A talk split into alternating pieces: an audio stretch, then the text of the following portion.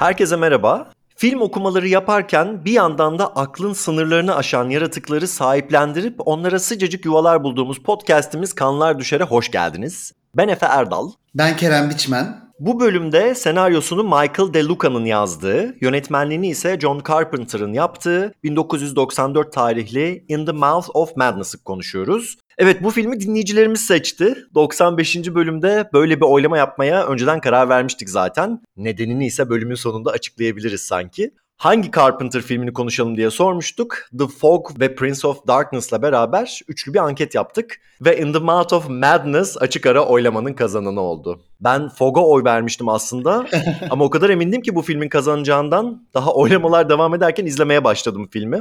Evet ben de buna vermiştim oyumu. Seçilince de böyle bayağı sevindim yani. Ne zaman izledin peki filmi ilk olarak? Efe filmi ben ilk kez televizyonda izledim. Bu da o filmlerden bir tanesi. Hangi kanal olduğunu hatırlamıyorum ama büyük ihtimalle sanki böyle Show TV ve hani geç bir saatte gibi aklımda kalmış. Ve çok sevmiştim. Küçüktüm 11-12 yaşında falandım bence izlediğimde. Çok kafam karışmıştı tabii. Hani işte Lost Highway'i televizyonda izlemek gibi bir şeydi benim için. Zaten ondan böyle birkaç yıl önce bunu izlemiştim televizyonda. Çok kafam karışmıştı ve çok sevmiştim filmi. Tabii sonrasında da birkaç kez izledim. Ve bu benim için şeylerden bir tanesi. Yani gerçekten hani birkaç film için bunu söyledim sanırım sadece. 10 dakikada bitti film yani bu sonu izlediğimde de hani inanamadım. Mesela bazı insanların yavaş olduğu, işte akmadığı ya da böyle birazcık şey olduğunu falan okudum ya da dinledim bazı insanlardan. Hani böyle düşünenleri anlamakta çok büyük zorluk çekiyorum. Çünkü gerçekten bu film 10 dakikada bitiyor gibi geliyor bana her seferinde. Ne zaman izlediğimi hatırlayayım ben de. Senin gibi aslında ben de işte televizyonda 95-96 yılı falan olması lazım. Benim de aklım karışmıştı. Bir de bir şey itiraf edeceğim ben. Yakın zamana kadar yani bundan birkaç yıl öncesine kadar ben bunu Stephen King uyarlaması zannediyordum. Çünkü tam o dönemde Çılgınlığın Ötesi diye bir kitabı çıkmıştı. Rose Matter aslında da böyle çevirmişler. İşte bu da Çılgınlığın Ötesinde ya hani ikisini ben kafamda birleştirmiştim. Aa dedim herhalde o film Stephen King uyarlamasıydı yani. Bu durum benim için o kadar netti ki yakın zamanda aa öyle bir şey yokmuş diye fark edene kadar bayağı doğruluğundan emin olduğum bir bilgiydi yani. Kendi kendime uydurduğum.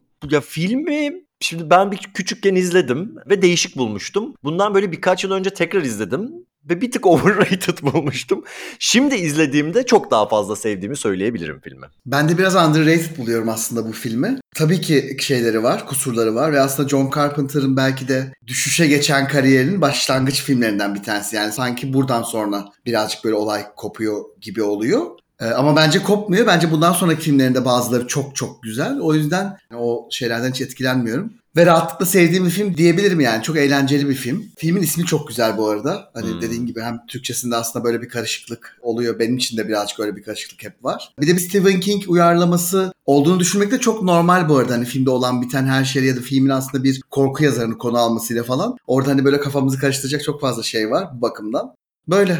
Ya ben filmin işlediği konuyu ve temalarını seviyorum baya. Dönemi için de fazla, şimdi tırnak içinde kullanacağım bu kelimeyi, zeki ya da entelektüel bulunduğu söyleniyor. Ki aynı şey aslında aynı yıl çıkmış olan Wes Craven'ın New Nightmare için de söylenmişti. Benzer temaları ele almaları da ilginç aslında bu iki filmin. Hani efsanevi korku yönetmenlerinden ikisinin aynı yıl bir nevi benzer diyebileceğimiz işler üretmiş olmaları her şeyden önce korku külliyatı için çok güzel bence. Ama ben erken dönem Carpenter'ı biraz daha fazla seviyorum. Christine ve belki Prince of Darkness'a kadar olan filmleri biraz daha kişisel zevkime yakın. Bu filmin çok hayranlığı olduğunu da biliyorum. Hani ben overrated dedim ama aslında hani underrated olması sebebiyle kült diyebileceğimiz bir izleyici kitlesi var. Ve anlıyorum da neden olduğunu bunun. Ama işte bana bir tık cilalı ya da fazla aydınlık geliyor. Tam olarak nasıl ifade edeceğimi de bilemedim. Ama eskiden beri bir sebepten dolayı beni çok içine çeken bir film olamadı. Ama buna rağmen zevkle konuşacağım ve izlemek için de yani can attığım bir filmdi hakikaten. Yani seçildiği zaman sevindiğim bir film oldu aslında. Her ne kadar Fog'u istemiş olsam da.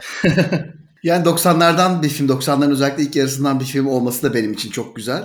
90'ların iki yarısına da işte ilk yarısına da ikinci yarısına nedense böyle ayrı ayrı ilgi duyuyorum. Hepsinin böyle kendine has özellikleri fa- var falan ve New Nightmare'la ben de çok benzetiyorum aslında filmi. Birçok bakımdan hem de dediğin gibi aynı yıl çok benzer konuları ele almaları bakımından. Biz aslında tabii 94'ten çok daha eski filmler konuştuk yani işte meta ya da en azından işte kendinin farkında olan, işte kendine referans veren, bunun böyle kırıntılarından bahsettik daha önceki birkaç bölümde bazı filmler e, özelinde. Ama bugün bildiğimiz anlamda metanın bir noktada bunları böyle hem Nevin Altmer'i hem de bunu öncüleri gibi de aslında görüyorum birazcık. Doğru hakikaten. Bir de 90'ların ilk yarısı bunların böyle kırıntılarını atmış. Daha sonra işte ikinci yarısında Scream'le beraber bunlar hasat edilmiş gibi falan geliyor bana. Bir de 90'ların ilk yarısının böyle çok karakteri olmadığı söylenir. Tam da biraz böyle bir tık daha soyut konuları işlediği için ben bunun böyle olduğunu düşünüyorum. Bir de sen Stephen King dedin. Bu çok doğru bir gözlem zaten. Hani Stephen King'in zaten adı geçiyor filmin içinde. Ama her şeyden önce Lovecraft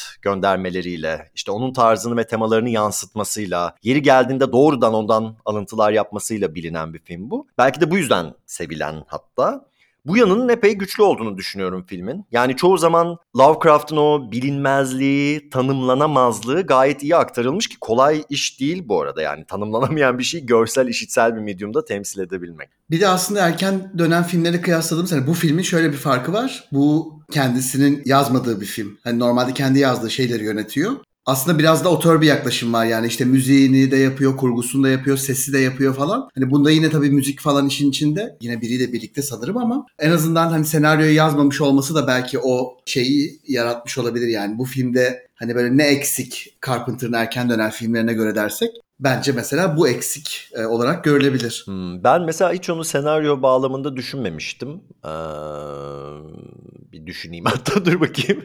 ya açıkçası benim kurduğum yer şeydi daha böyle hakikaten görsel olarak, estetik olarak yani onun o otör ya yani John Carpenter dediğinde aklıma gelen birçok şey bu filmde yoktu. Bir de bu film Carpenter'ın Apokalips üçlemesinin son filmi olarak da biliniyor ya. İşte The Thing ve Prince of Darkness'la başlayan ve muğlak bir kötülüğün o ya da bu şekilde dünyayı ele geçirmeye çalıştığı tematik olarak bağlı manevi bir üçleme bu. Belki bu açıdan bir takım öğelerin senaryonun içinde karşılığı olduğunu söyleyebilirim. Belki de Carpenter'ın diğer filmlerine özellikle bu üçlemeni oluşturan filmlerine çok uzak bir yerde durmuyor ama evet belki senaryo açısından da benzer bir durum söz konusu olabilir tabii. bir de bu bizim Sam Neill'ı konuştuğumuz ve yine kafayı sıyıran, gerçekliği kayan bir karakteri canlandırdığı üçüncü film. Possession ve Event Horizon'da birlikte. Bu da bizim Sam Neill üçlememiz olsun o zaman. Bir de daha önce kesin söylemişimdir ben ama ben Sam Neill'ı ilk olarak sinemada ilk izlediğim filmde yani Jurassic Park'ta yani beni sinemaya aşık eden bir filmde görmüştüm. Yani o şekilde tanımıştım. Ve orada canlandırdığı karakter daha böyle güven veren bir nevi baba figürü diyebileceğimiz bir karakterdi. Daha sonrasında onu bu gibi filmlerde ve tamamen alakasız rollerde izlemek çok ilgi çekici geliyor bana. Ama ne yaparsa yapsın Jurassic Park'tan dolayı ben ona hep bir güven duyuyorum ister istemez. bir de şu aralar ciddi bir kanser savaşı veriyor anladığım kadarıyla. Aa bilmiyordum. Evet evet. Bu yüzden şifa diliyoruz kendisine buradan. Evet yani benim çok sevdiğim bir oyuncu. Ve aslında şanslıyız çünkü çok fazla filmde oynadı. Yani hani Sam Neill deyince dediğin gibi böyle farklı farklı türlerde o kadar çok filmi var ki ve mesela böyle bir filmde Jurassic Park'tan sonra oynamayı seçmesi de aslında bence bir şey. Yani cesur bir şey bir yandan. Çok şey yani sevdiğim bir oyuncu ve onu izlemek her filmde güzel oluyor yani benim için. İşte mesela onun için underrated bir oyuncu diyebiliriz. Bence çok daha tanınırlığı hak ettiğini düşünüyorum ben mesela. Kesinlikle. Ya bu tür içerisinde bile yani baksana işte 3 tane film saydım. Üçü de birbirinden farklı. Aslında çok da ortak özellikleri var. Possession'da bu filmi de bağlayabileceğimiz yerler var. Event Horizon'da da var ama alt tür olarak bile baktığımızda farklı yerlerde duruyorlar. Hani Jamie Lee Curtis mesela Scream Queen diye bilinir ama işte Scream King ya da Horror King falan diye bilinmiyor. Mesela Sam Neill o yüzden korku janrına yaptığı ve senin de dediğin gibi bu cesur atılımları ve projeleri kabul ediyor olması açısından özellikle de saygı duyduğum birisi. Şimdi biz Stephen King'in Misery uyarlamasını konuştuğumuzda sanatçı, işte eseri ve hayranlık müessesesinin bunlar üzerindeki etkilerinden bahsetmiştik uzun uzun. Bu film biraz daha temel bir şey anlatıyor aslında. Yani yazarın, sanatçının doğrudan eseriyle dünyayı değiştirme gücünü. Tabii film bu denklemi böyle düz kurmuyor. İşin içine bir de tüketim çılgınlığını katıyor. Mesela film doğrudan yazarlığın kendisine ya da yaratım sürecinin ne kadar zorlu olduğuna odaklanmıyor. Bunlar da var ama o biraz daha arka planda kalıyor. Yoksa zaten ana karakterimiz yazarın kendisi olurdu. Buradaki ana karakter John Trent sigorta müfettişi. Aslında sistem için çalışan birisi ve yaptığı iş birilerinin gerçekliği saptırıp saptırmadığını tespit etmek. O yüzden gerçekliğin kendisinin saptırıldığı bir filmde onun gözünden bu dünyaya giriş yapmamız da anlamlı geliyor bana. Kesinlikle öyle ve bu noktada o da güzel bir twist yani. Hani işte karakterimizin bir dedektif değil de bir sigorta müfettişi olması aslında filmin böyle değişik taraflarından bir tanesi yani. Bir noktada hani burada ne olduğunu araştırmak için gelmiyor da hani burada acaba birisi yalan mı söylüyor gibi hani otomatik olarak bu şeyle geliyor olaya yaklaşıyor. Zaten bu yüzden tutuluyor bence yayın evi tarafından. Ya da bu yüzden yayın evi tarafından tutulduğu yazılıyor mu dememiz lazım. Sutter Kane tarafından. Çok şey Misery ile de tabii ki çok dediğin gibi yani aslında ortak bir DNA paylaşıyorlar. Orada da bir noktada işte sanat sanatçıya hayran olan. Aslında Misery'deki karakterimizden burada bir sürü var. O sokakta işte baltalarla kesen hani bir noktada sanatın ya da işte temsilin, fiction'ın böyle şey kudurttuğu insanlar Hmm. gibi yani. İşte onu çok sevmek, onu o kadar sevmek gibi onu bir sevdiğimiz bir şey için her şeyi yapabilmek. Ki ben kendimde bile bunun şeylerini görüyorum mesela işte Scream franchise söz konusu olduğunda. ben de sende onu görüyorum hakikaten. Birini görüyorum yani mesela kötü bir şey söylediğinde birisi onu öldürmek gerçekten istiyorum falan. İçten içe sonra bunun normal olmadığını düşünüp sakinleşiyorum. Neyse ki. Evet ve o yüzden çok şey yani dediğin gibi bunları ele alıyor olması da yani filmin işte bütün o meta anlatısının yanı sıra aslında onun özüne koyduğu şey işte tam da bu e, tüketim çılgınlığı işte pop kültür sanat ürünlerinin ne tüketmek falan işte o noktada bizim o ürünle kurduğumuz sanat işiyle kurduğumuz ilişki falan gibi aslında bu DNA şeye kadar gidiyor yani işte Scream 4, Scream 5, Scream 6 gibi böyle onlarda da biliyorsun böyle buradan dönen bir şey var. Filmler üzerinden tabii ki ki bu, bu filmde de zaten. Hani en son sahnede ya kitapları okumayanlar ne olacak dediğinde ama filmi çıktı diyerek ya tam da Jill Roberts'lık bir şey gibi yani bir yerden de hani işte hem Misery'deki karakter hem Jill Roberts bilmem böyle birçok e, yere 94 yılında hem de dokunuyor olması bence son derece tatmin edici. Bir kere her şeyden önce kitlelerle alakalı bir film zaten. Ve ana karakterlerini seçtiği ya da ana karakterlerine biçtiği rol. Yani hem bu filmin senaristinin hem de Sutter Kane'in diyeceğim. E, şu açıdan manidar. Şimdi biz bir kere John Trent'in freelance olarak çalıştığını da biliyoruz. Yani hiçbir yapılanmanın altına girmediğine de vurgu yapılıyor. O yüzden bu karakterin sistem için çalışan bir ayrık otu olduğunu söyleyebiliriz. Bu açıdan aslında korku yazarı Sutter Kane'i de aynaladığını söyleyebiliriz. O da çünkü her ne kadar bestseller da olsa yazdığı kitapların içeriğinden ya da türünden ötürü ister istemez küçümsenen, marjinal diye tabir edebileceğimiz bir noktada. Bir diğer ana karakterimiz ise Linda Stiles, editör olan. O da yani üretilen eserin okuyucular için en uygun hale getirilmesinden sorumlu olan kişi. Yani aslında her ne kadar Sutter Kane kendisini tanrı ilan etse de filmin içinde aslında bu ikisine ihtiyacı var okuyuculara ulaşabilmek için. Evet kesinlikle öyle. Bir yandan şeye de aslında mantıklı geliyor. Yani bunun bizim filmimizdeki karakter değil de aslında Sutter Kane'in yazdığı romandaki bir karakter olduğu fikriyle de örtüşüyor bu. İşte bir ailesinin olmaması ya da işte işinin çok arka plan öğrenemiyoruz karakterimiz hakkında. Hani hep onunlayız ama mesela romanlarda da öyledir. Bir karakter olabilir ama yazar anlatmayı tercih etmeyebilir yani ailesinin kimler olduğunu, evinin neye benzediğini falan filan. Bütün bu hem senin dediğin gibi aslında genel o sistemden ve o yapının içinden kopuk olması ama bir yandan da aslında bunun bir roman karakteri olması sebebiyle yani hani çok fazla köklerini görmüyor olabiliriz gibime geliyor. Doğru aynı şekilde bir film karakteri olmasıyla da alakalı bu arada. Hatta bir de filmin içinde film karakteri olmasıyla falan gibi. Yine böyle meta şelalesi mi demiştik biz zamanında? Evet. Meta şelalesinde yıkandığımız bir film bu. film bir de matbaada başlıyor. Yani biz açılış jeneriği sırasında dakikalarca kitapların basılmasını izliyoruz. Yani burada mesela eserin biricikliğine falan vurgu yok. Zaten kitap gibi bir şeyin biricik olmasının anlamı yok. Ha biz Evil Dead ya da Babadook gibi filmlerde özel kitaplar görüyorduk. Hatta okunmaması gereken kitaplardı onlar. Lanetliydiler. Buradan bakacaksak bu film aslında şunu yapıyor.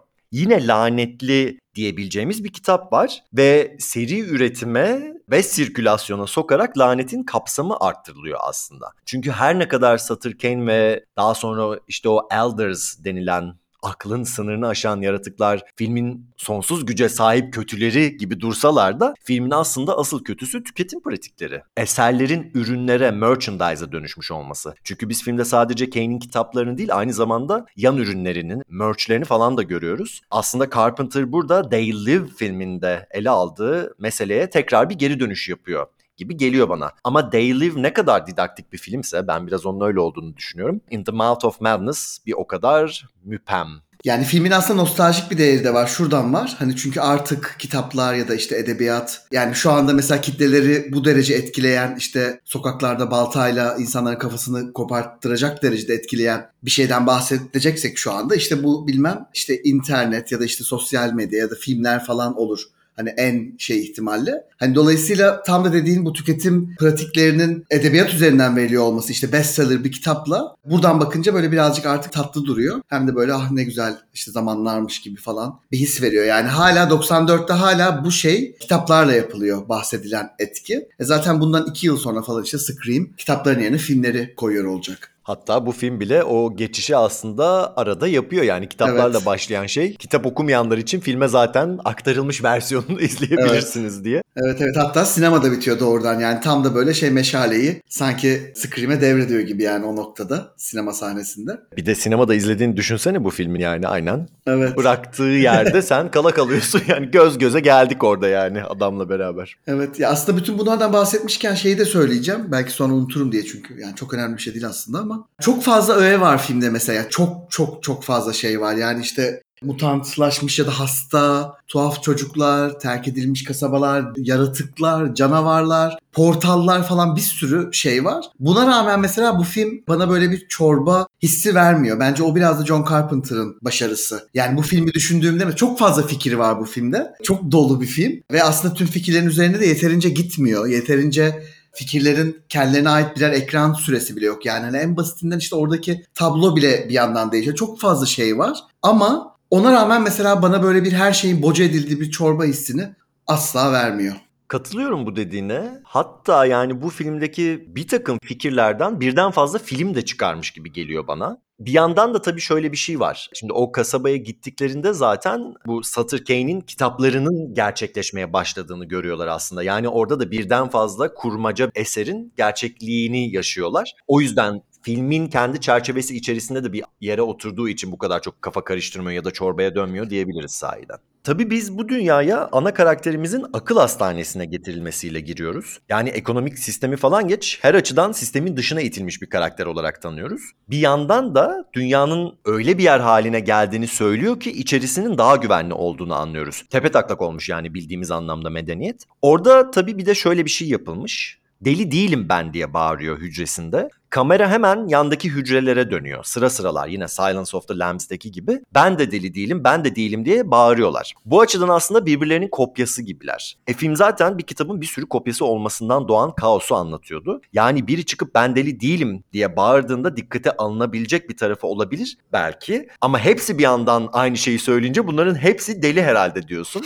Sutter Kane'in kitaplarının da yaptığı bu aslında. Yani birbirinden farklı onlarca insanı aynı şeyi söyler hale getirmek. Neredeyse Invasion of the Body Snatchers vari bir istila yöntemi aslında bu. Tabii Invasion'da biyolojik bir tehlike vardı. Burada daha felsefik diyebileceğimiz gücünü kelimelerden alan ideolojik bir istila söz konusu. Ama şunu tekrar etmek istiyorum. Ne kadar serebral olursa olsun kapitalizmin getirdiği bir apokalips olduğunu unutmayalım. Akıl hastanesinde başlaması tabii şöyle bir şey de yapmış oluyor aslında. Yani zaten biz güvenilir olmayan bir anlatıcıdan bunları dinlemeye başlıyoruz ya da en azından bize öyle gösterilen. Çünkü bence pekala güvenilir olabilir o kişi. Dolayısıyla bunların hepsinin e, aslında bunlar işte Satır Kane'in yazdığı satırlarmış falan gibi bağlanıp en sonunda işte film uyarlamasını izlediği yere kadar gibi olabileceği ihtimali var. Bunun dışında bir de bunların tamamı aslında Trent karakterimizin işte o hücresinde kurduğu şeyler de olabilir yani ya da uydurduğu şeyler de olabilir. Kurduğu hayaller ya da gördüğü, anlattığı şeyler işte gerçek olmayan şeyler de olabilir. Hani o noktada film böyle hem başıyla hem de sonuyla apaçık bırakıyor yani neyin gerçek, neyin kurmaca olduğuyla alakalı. Yani biz zaten bir film izliyoruz bu arada. Tabii ki her şey kurmaca ama hani onu kastetmiyorum. Hani filmin içindeki gerçeklik bağlamında konuşuyorum. Orada da yani film aslında tamamen başladığı gibi bitiyor. Orada o hücreyle o sinema sahnesinin o benim için çok bir farkı yok o yüzden. Hani akıl hastanesi ile sinemanın bu noktada. Çünkü dediğim gibi işte birinde zaten bir yazarın uydurduğu şeyleri görüyoruz. Diğerinde de belki bir akıl hastasının uydurduğu şeyleri biz film boyunca dinledik. Çünkü sonra or- oradan kaçıyor. O anlatı da bozulmuyor. Hani oradan çıkıyor işte her yer zarar görmüş, istila olmuş falan ve sonra bir sinemaya gidiyor. Ortada izlediğimiz her şey de aslında hayal ürünü olabilir. Trent'in hayal ürünü ama.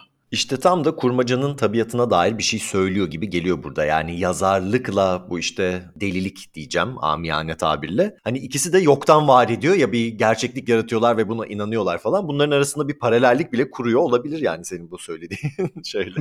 Tabii biz karakterimizi ilk tanıdığımızda neredeyse film noir vari bir görevle maceranın içine çekiliyordu. Ve o sırada hakikaten hani başta ne gördüysek onun tam tersi yani gerçekliğine hakim hatta başkalarının işte dediğim gibi gerçekliği yamultmasından yalan söyleyip işte sahte deliller falan sunmalarından sonuçlar çıkarabiliyordu. Tabii biz az önce her tarafa ve her tarafına haçlar çizmiş olan karakterin aslında akılcı biri olduğunu görüyoruz burada. Hatta bunu kullanarak Kane'in nerede olduğunu bulabiliyor. Kitap kapaklarındaki parçaları bir bütün haline getirerek. Ama bunu yaparken o kitapları parçaladığını da söyleyebiliriz. Yani kitapların yarattığı dünya aydınlanmacı felsefenin tam tersi. Hani aklın dahi sınırlarını aşan bir yerken kitapları kesip biçerek mantıklı bir bütün bir harita haline getirmek mantıksız değil bilmiyorum. Söylediğim şeyin bir mantığı var mıydı şu an ama.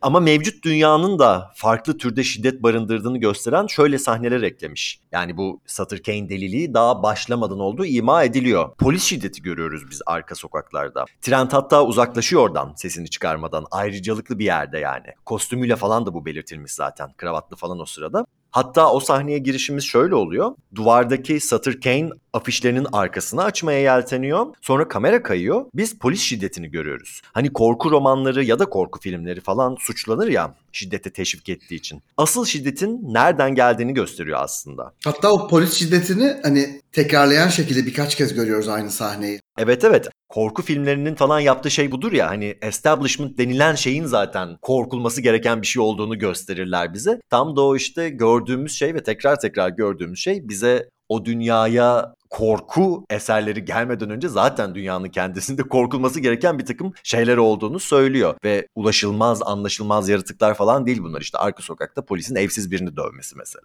Ne zaman karakterimiz korku romanları okuyor, o zaman hayallerinde şiddetin ibresi kendisine dönüyor. Hatta polis o canavar yüzüyle evinde beliriyor. Hani bu rüya içinde rüya sahnesi var ya. Bu bana şu açıdan güzel geliyor. Korku türünün sınırları ihlal ederek düzen dediğimiz şeyin çirkin yüzünü göstermesini anlatıyor aslında. Tüm dünya değişmeden önce rüyada bile olsa karakterimizin dünyası değişmeye başlıyor. Bana dokunmaz dediği şey evinde beliri veriyor. Zaten televizyonda da bu isyan sahnelerini ilk gördüğümüzde polisin sivilleri dövmesini izliyoruz. Korku hayranlarının dükkanları yakmalarını falan değil mesela.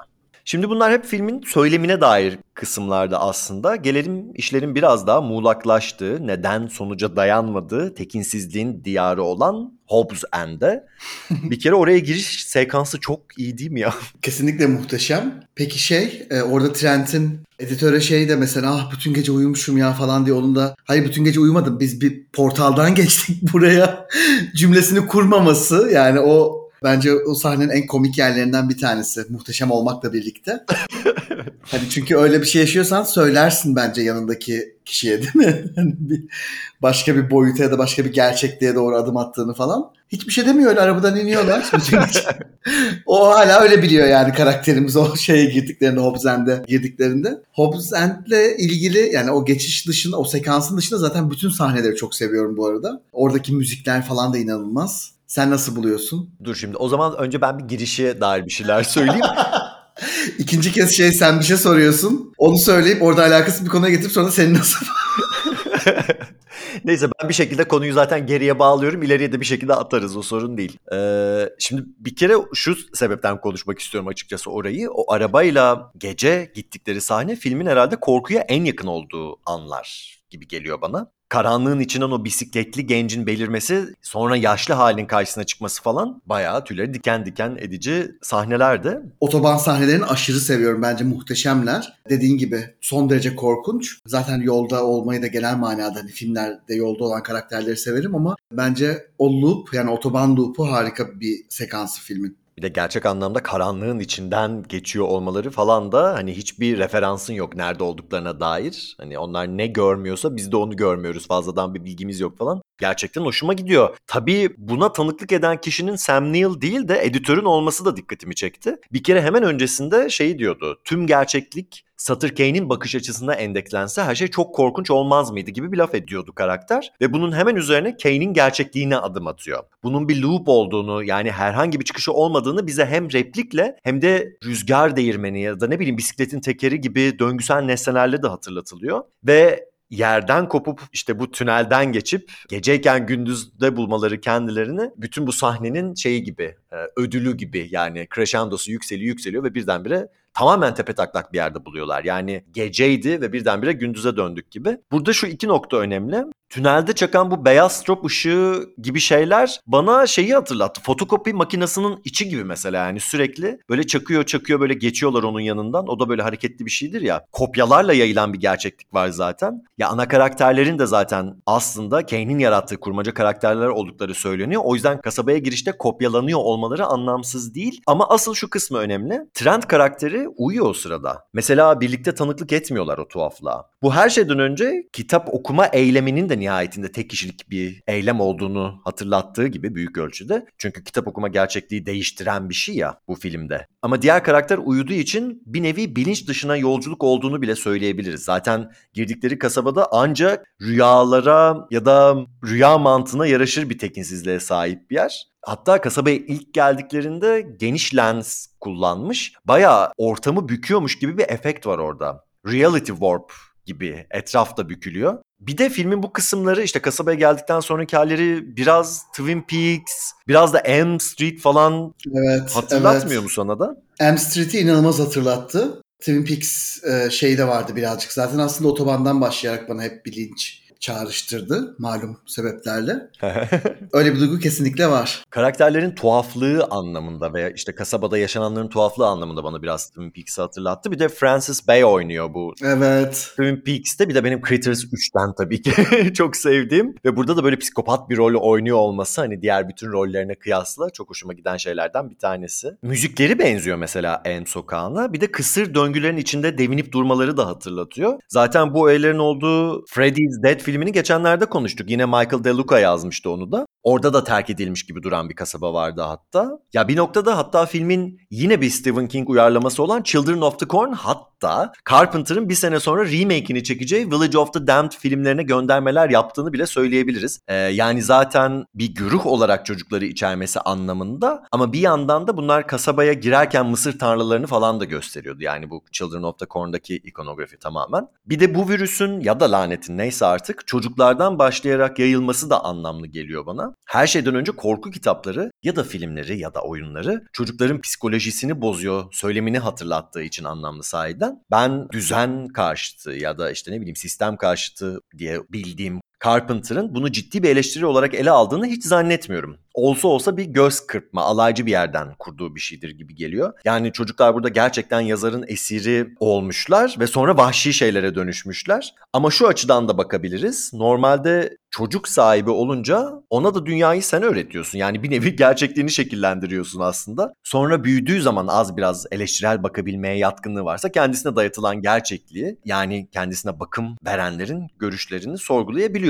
Burada onun tersi var. Çocukların önce öğrendiği yeni gerçekliğe yetişkinler adapte olmak zorunda kalıyor. Hani ne kadar kemikleşmiş, kesinliğinden emin olduğun bir gerçeklik algın varsa direncin de o kadar fazla oluyormuş gibi geliyor bana. Katılıyorum kesinlikle. Çocuklu sahneleri çok seviyorum bu filmde. Çünkü çocuklar hem ele geçirilmiş gibi hem zombi gibiler hem hayalet gibiler çünkü işte kasabada hep aynı e, yaştalarmış. Çünkü aslında belki de bir romanın içindeler ve sadece tek seferlikler falan. Hani o karakterin belli bir yaşı var çünkü. Hı. O bakımdan şey seviyorum bu üçünü aynı anda olabilmelerini bu çocukların. E, müzikler özellikle evet boş sokakları gösterdiği sahnelerde falan Elm Street'i aşırı derecede hatırlatıyor. Senin söylediğini kaçırdım ve bilmiyordum. Şey mi bunun yazarıyla Freddy's dedin yazarı şey senaristi aynı mı? Aynen aynen. Aa bilmiyordum. Bunu hiç bilmiyordum. Yani bunu bilerek izlemeyi isterdim filmi. Yani hiç fark etmedim böyle bir şey. Kayıttan sonra otur bir tekrar aç bakalım o gözleri. Aynen.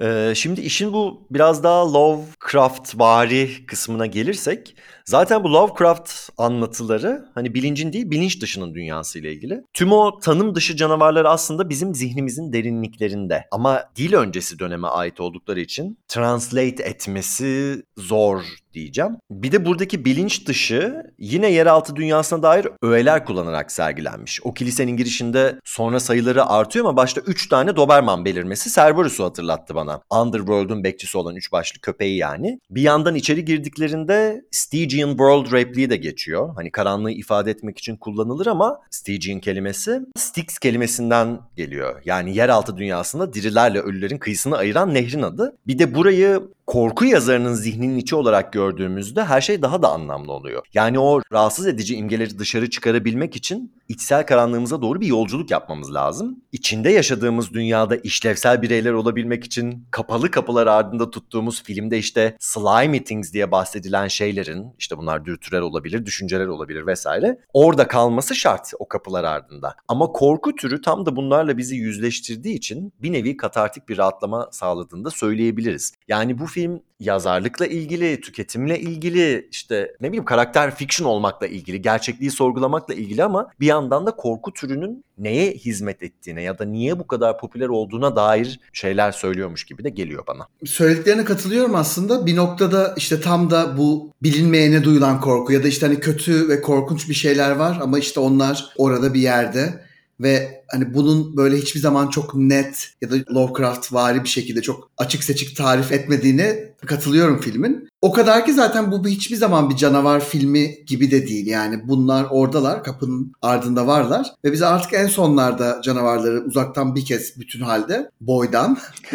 Onun dışında da küçük küçük işte dişler ya da böyle gözler falan gibi yerler olarak görüyoruz. Bu bakımdan da filmi çok şey buluyorum. Yani bunlar çok cesur şeyler. Bir anda filmin son 10 dakikasında böyle devasa yaratıkları, canavarları sahneye çıkarmak. Yani filmin çünkü buna dair kurduğu hiçbir şey yok baştan itibaren. Filmin içindeki ana çatışmanın uzaktan yakından ilgisi yok bu canavarlarla. Ama aslında varmış işte sonunda onu görüyoruz ve bunu böyle hani herhangi bir şeymiş gibi çok cool bir şekilde kullanması da açıkçası hoşuma gitti. Film bunu aslında başka yerlerde de yapıyor. Yani bu tip aslında çok güçlü olabilecek hani e, ya da bir korku filmi için diyeceğim bir fırsat olabilecek bir şeyi e, hiç de bir fırsatmış gibi kullanmama sakinliğini çok seviyorum filmin. Sutter Kane karakterinde de yapıyor bunu. Çünkü biz herhangi bir korku filminde işte başından itibaren insanların sokaklara düşüp herkesi öldürdüğü, dağıttığı ve işte bir noktada dünyanın sonunu getirecek güçte bir yazarı çok daha şeytani ve çok daha şey biçimde görmemiz gerekiyor. Hani burada bence birazcık oyuncunun da etkisi var. Genel olarak karakterin tanımının falan da etkisi var. Ama evet yani birazcık böyle bir tanrı gibi konumlanıyor. Hani söylediği şeylerle falan. Biraz şerefsiz gibi de evet ama hiçbir zaman bu baktığında o karakteri şu an hatırladığımda ah ne kadar kötü, nasıl bir şeytan mesela demiyorum. Yani bunu da yapmıyor. Hani o karakteri de onu da vermiyor. Normalde alışılagelmiş şeylerin birazcık dışında bence konumluyor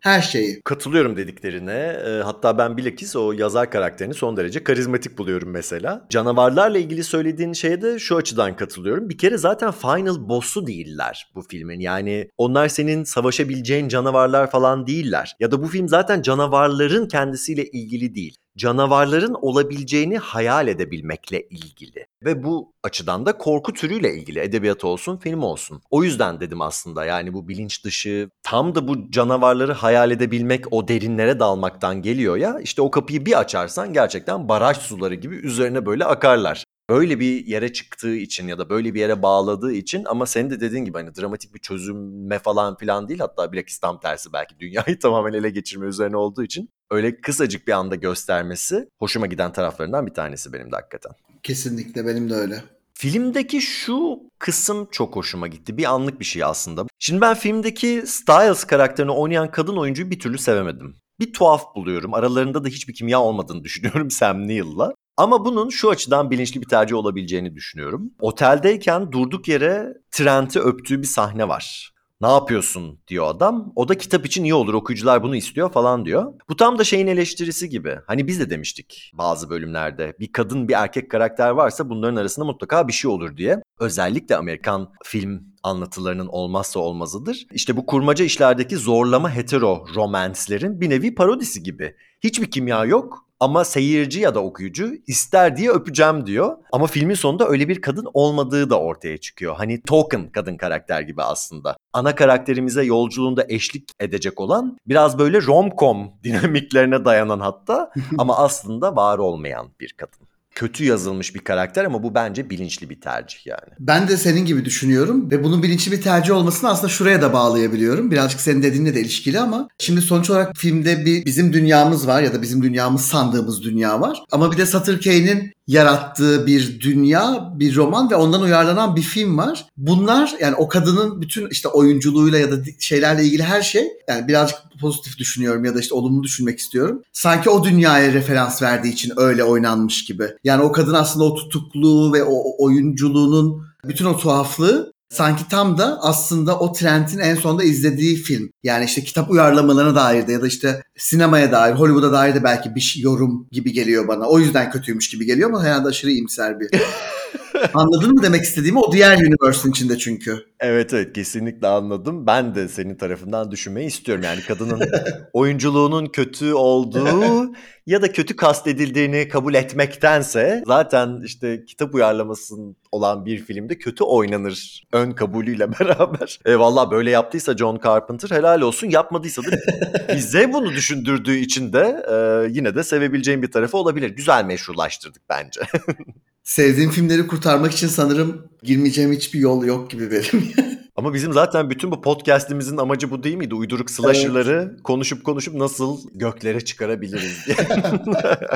Şimdi biz bölümün başlarında biraz değindik ama biraz daha şu meta meselesini konuşalım diyorum. Bir kere çok düz bir okumayla film kelimelerin, kitapların dünyayı değiştirebileceğini öne sürüyor. E, dinlerin 2000 yıldan sonra bile hala ne kadar yaygın olduğunu göz önüne alırsak yanlış bir önerme değil aslında bu. Tabi burada ilginç olan eserin yaratıcısının tanrılaşmış olması. Örneğin Wes Craven'ın New Nightmare filminde hem eser hem oradaki kötülük yönetmenin hiçbir şekilde kontrolünde değildi. Tabii burada her ne kadar Sutter Kane kendini tanrı ilan etse de kendini ancak kağıt gibi yırtıp tüm o canavarları serbest bırakınca aslında o rütbeye eriştiğini söyleyebiliriz. Yani insan olarak aradan çekilmesi gerekiyor ki efsane olsun, kütlesin, işte tanrı olsun neyse. Dine dair söylediği şeyler de çok hoşuma gidiyor. Zaten Kane'in tüm replikleri manifesto gibi bu filmin içerisinde.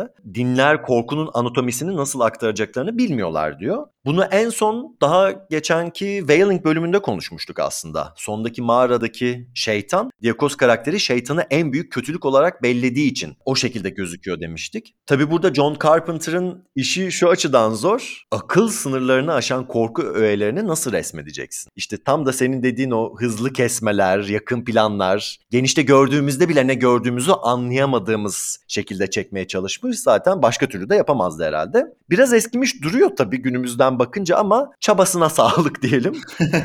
Halbuki bu arada The Thing'de Hele ki böyle beyaz floresanlar altında ne de güzel göstermişti o akıl almaz yaratığı. Tabii orada yine biyolojik bir bağlamdaydı bütün o film ve yaratık. Yani burada bildiğin karakterin bilinç dışı dışarı akıyor. Ee, o yüzden böyle bir ayrım olması da anlamsız değil tabii. Evet yani ben de izlerken bundan 12 yıl önce gelmiş Thing'deki şeylerin nasıl bundan daha iyi olduğunu düşündüm efektlerin. Bütçesel bir şey olduğunu düşünüyorum. Büyük ihtimalle bütçeyle falan alakalı bir şeydir gibime geliyor yani. Yani bu filmin yaklaşık bir 5 milyonluk kısmının kesildiğini biliyorum. 5 milyon da az para değil. yani 94 yılını 93-94'ü düşündüğümüzde sanki hakikaten oralarda kendini belli ediyormuş gibi bu bütçe kesintileri. Ha bir de bu senin söylediğin yere bağlayacaksak aslında filmdeki şu replikler işte düşündüm o yüzden varsın ya da beni böyle yazdığı için böyle davranıyorum gibi replikler türünün son örneklerinden olabilir. Çünkü hemen üzerine 90'ların ikinci yarısında Truman Show ve bilhassa Matrix gibi örnekler bu gerçeklik inşasını ve onun işte sorgulanmasını daha bilimsel ya da daha hatta bilim kurguya dair yöntemlerle tartışmaya açtılar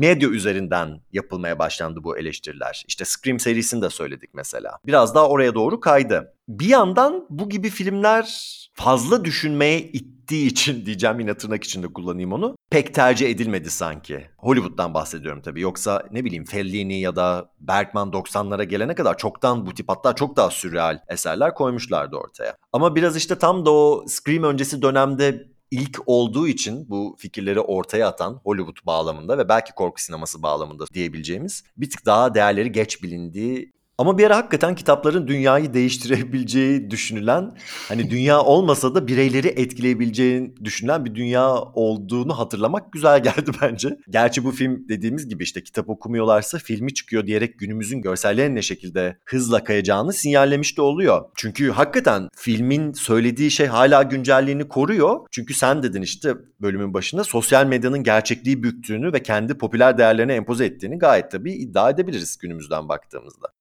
Bir de bu filmin en sevdiğim yanlarından biri filmin başlarında tam da aslında Sidney Prescott'un ilk filmdeki hali gibi. Yani korku romanlarını sevmiyorum hep aynı hikaye. İnsanlar delirip canavara dönüşüyor dedikten sonra filmin sonunda delirmiş halde sinemada kendi bu argümanlarını izlemeye gitmesi mesela. Ee, bir de Angel Heart'takine benzer tepkileri de vardı işte I know what I am diyordu burada. Tabii artık burada who değil what der hale gelmiş. Yani insanlığı bile sorguluyor. Kim olduğunu geçtik. Karakter olmakla itham ediliyor çünkü. E bunu izlediğimiz filmin karakteri söyleyince ister istemez self-reflexive de bir hal alıyor film. En sonunda da aynı filmi sinemada izlemeye giderek metanın metası oluyor da diyebiliriz. Dediğin gibi de bu karakteri hani tamamen şüpheci bir karakter ve çok uzun süre direniyor şeyin söylediklerine. Yani artık gelip Habzend'i gördükten sonra bile hala direniyor ki yanında işte Styles ne olup bittiğini anlatmasına rağmen. Ve sonra çok zarif bir biçimde dönüşüyor bir deliye. Yani o deliliğin böyle kucağına e, yavaş yavaş yavaş yavaş gerçekten düştüğünü görüyoruz. Bunları izlemek de bence çok güzeldi. Bence filmin sonu muhteşem. Yani şu an sonuna geldik mi bilmiyorum ama e, bence korku filmlerini sevmeye dair de bir şey söylüyor. Sinemaya dair izliyor olmak hani bir izleyicinin pozisyonuna dair bir şey de söylüyor. Ve o işte histerik gülüşü işte şeyini alıp patlamış mısırını öyle komik bir biçimde filmi izlemesi falan belki delirmesi yeniden ya da işte artık akıllı hale gelmesi bilmiyorum oradan ne anlıyoruz. Çok seviyorum filmin sonunu yani. Korku kazandı yani. Korku türü kazandı. Evet. Zafer bizde. bir de mesela bu film kişisel bir yerden kitap kapaklarıyla kurduğum ilişkiyi yansıtması bağlamında da çok hoşuma gidiyor aslında. Ya çocukken şöyle bir dönem hatırlıyorum hakikaten. Tepe başındaki TÜYAP fuarına gidip Stephen King kitaplarına bakıp kapaklardan hangisi daha çarpıcıysa aldığım zamanları hatırladım mesela. Liseden sonra ben korku edebiyatından koptum. Üniversitede bilim kurguya başladım. Son 10 yıldır da fantezi falan okuyorum ama değişmeyen tek bir şey var. O da bu hani resmedilmiş dramatik kitap kapaklarına olan ilgim mesela. Yani hala çok seviyorum onu. O minimal şeyleri falan kesinlikle kabul etmiyorum. Hani bulabilirsem bu eski kapakları gerçekten böyle bir sanatçının elinden çıkmış olan ve kitabın belki yansıtmadığı kadar drama barındıran böyle kapakları tercih ettiğimi söyleyebilirim. Sen mesela kitapları kapağına göre yargılar mısın Kerem? Kesinlikle yargılarım. Özellikle eskiden daha da çok yapıyordum bunu. Hala seviyorum ben de güzel kitap kapaklarını ve şey ben de ortaokulda, lisede işte Stephen King, işte Dean Koontz falan böyle bolca okuduğum dönemlerde kapaklarını çok severdim. Hatta okuduğum kitapların bile böyle arada bir bilmiyorum sen de yapmaz mıydın? Gidip bir kapağına bakardım yeniden yani şöyle evde durduğu yerde. Kesinlikle. O böyle nedense benim bir hoşuma giderdi. Yani o kapağı ayrı bir şeydi yani kitabın kendi gibi o da ayrı bir güzellikti benim için. Ve aynı şeyi ne bileyim bu film afişleri için de söyleyebiliriz. Bu işte VHS'lerin kapaklarıyla kurduğum ilişki de benim biraz öyleydi gerçekten. Ne bileyim işte şimdi görüyorum Stephen King kapaklarını ya da onu bunu falan böyle o kadar sade minimal şeyler yapıyorlar ki bu değil ya bunu anlatmıyor ki zaten film falan diyorsun yani orada üç çizikte falan verebileceğin bir şey yok. Minimalizme de karşıyım yani. Ya son olarak ben şunu söyleyebilirim filme dair. Yayın evi sahibinin Charlton Heston tarafından canlandırılmış olması bana çok munzur geliyor. Çünkü kendisi bu filmden yaklaşık 30 sene önce en depresif sonların birine sahip olan Planet of the Apes'in ana karakterini canlandırmıştı. Orada da karakterin tüm gerçeklik algısı kayıyordu. Burada da olan o. Ama belki şöyle bir umutlu bir sonu olabilir bu filmin. Ki bence bu arada insanlığın yok olması gayet mutlu bir sonu aslında ama Trent şey diyordu en son onu ziyaret eden doktora. İnsanlık 5 yıla masal olacak, mit olacak, unutulup gidecek diyordu. Ama işte mit olursa eğer bir gün gücünü tekrar kazanıp yeteri kadar kişiyi ikna ederse bu filmdeki yaratıklar gibi gerçekliği kendi istediği hale çekebilir. Çünkü bu filmde nihayetinde kelimelerin işte fiction dediğimiz şeyin gerçekliği ele geçirmesini anlatıyordu. Şeyi hatırlattı bana. Sandman çizgi romanlarının kedilerin hep beraber yeteri kadar inanırlarsa dünyanın hakim olmayı hayal ettikleri güzel bir sayısı var. Hatta Netflix dizisinde de bir bölümünü yaptılar onun. Onu hatırlattı. Çok muhteşem bir iştir o da. Hikayelerin gücü diye dramatik bir yerden bitirebiliriz sanki. Şimdi mutlu ve mutsuz sonlardan bahsetmişken başta sözünü ettiğimiz anonsumuzu da yapalım madem. Yani neden böyle bir anket yaptığımıza gelirsek eğer Şimdi bunca bölüm bizi dinleyerek çok güzel destek oldunuz. Aynı şekilde sosyal medya üzerinden de kurduğumuz iletişim bizi çok mutlu etti, çok motive etti hatta. Arada film istekleri geliyor. Bir kısmını değerlendirebiliyoruz. Bir kısmı ise işte "Aa, düşünelim falan deyip aslında yapamıyoruz. En azından bir filme oy çokluğuyla da olsa sizle beraber karar verelim dedik. Çünkü yaklaşık 3 yıldır devam ettirdiğimiz podcast'imiz 100. bölümünde final yapıyor. Dan dan dan. Bunu da sonunda söylemiş olalım yani. Üzücü bir son oldu.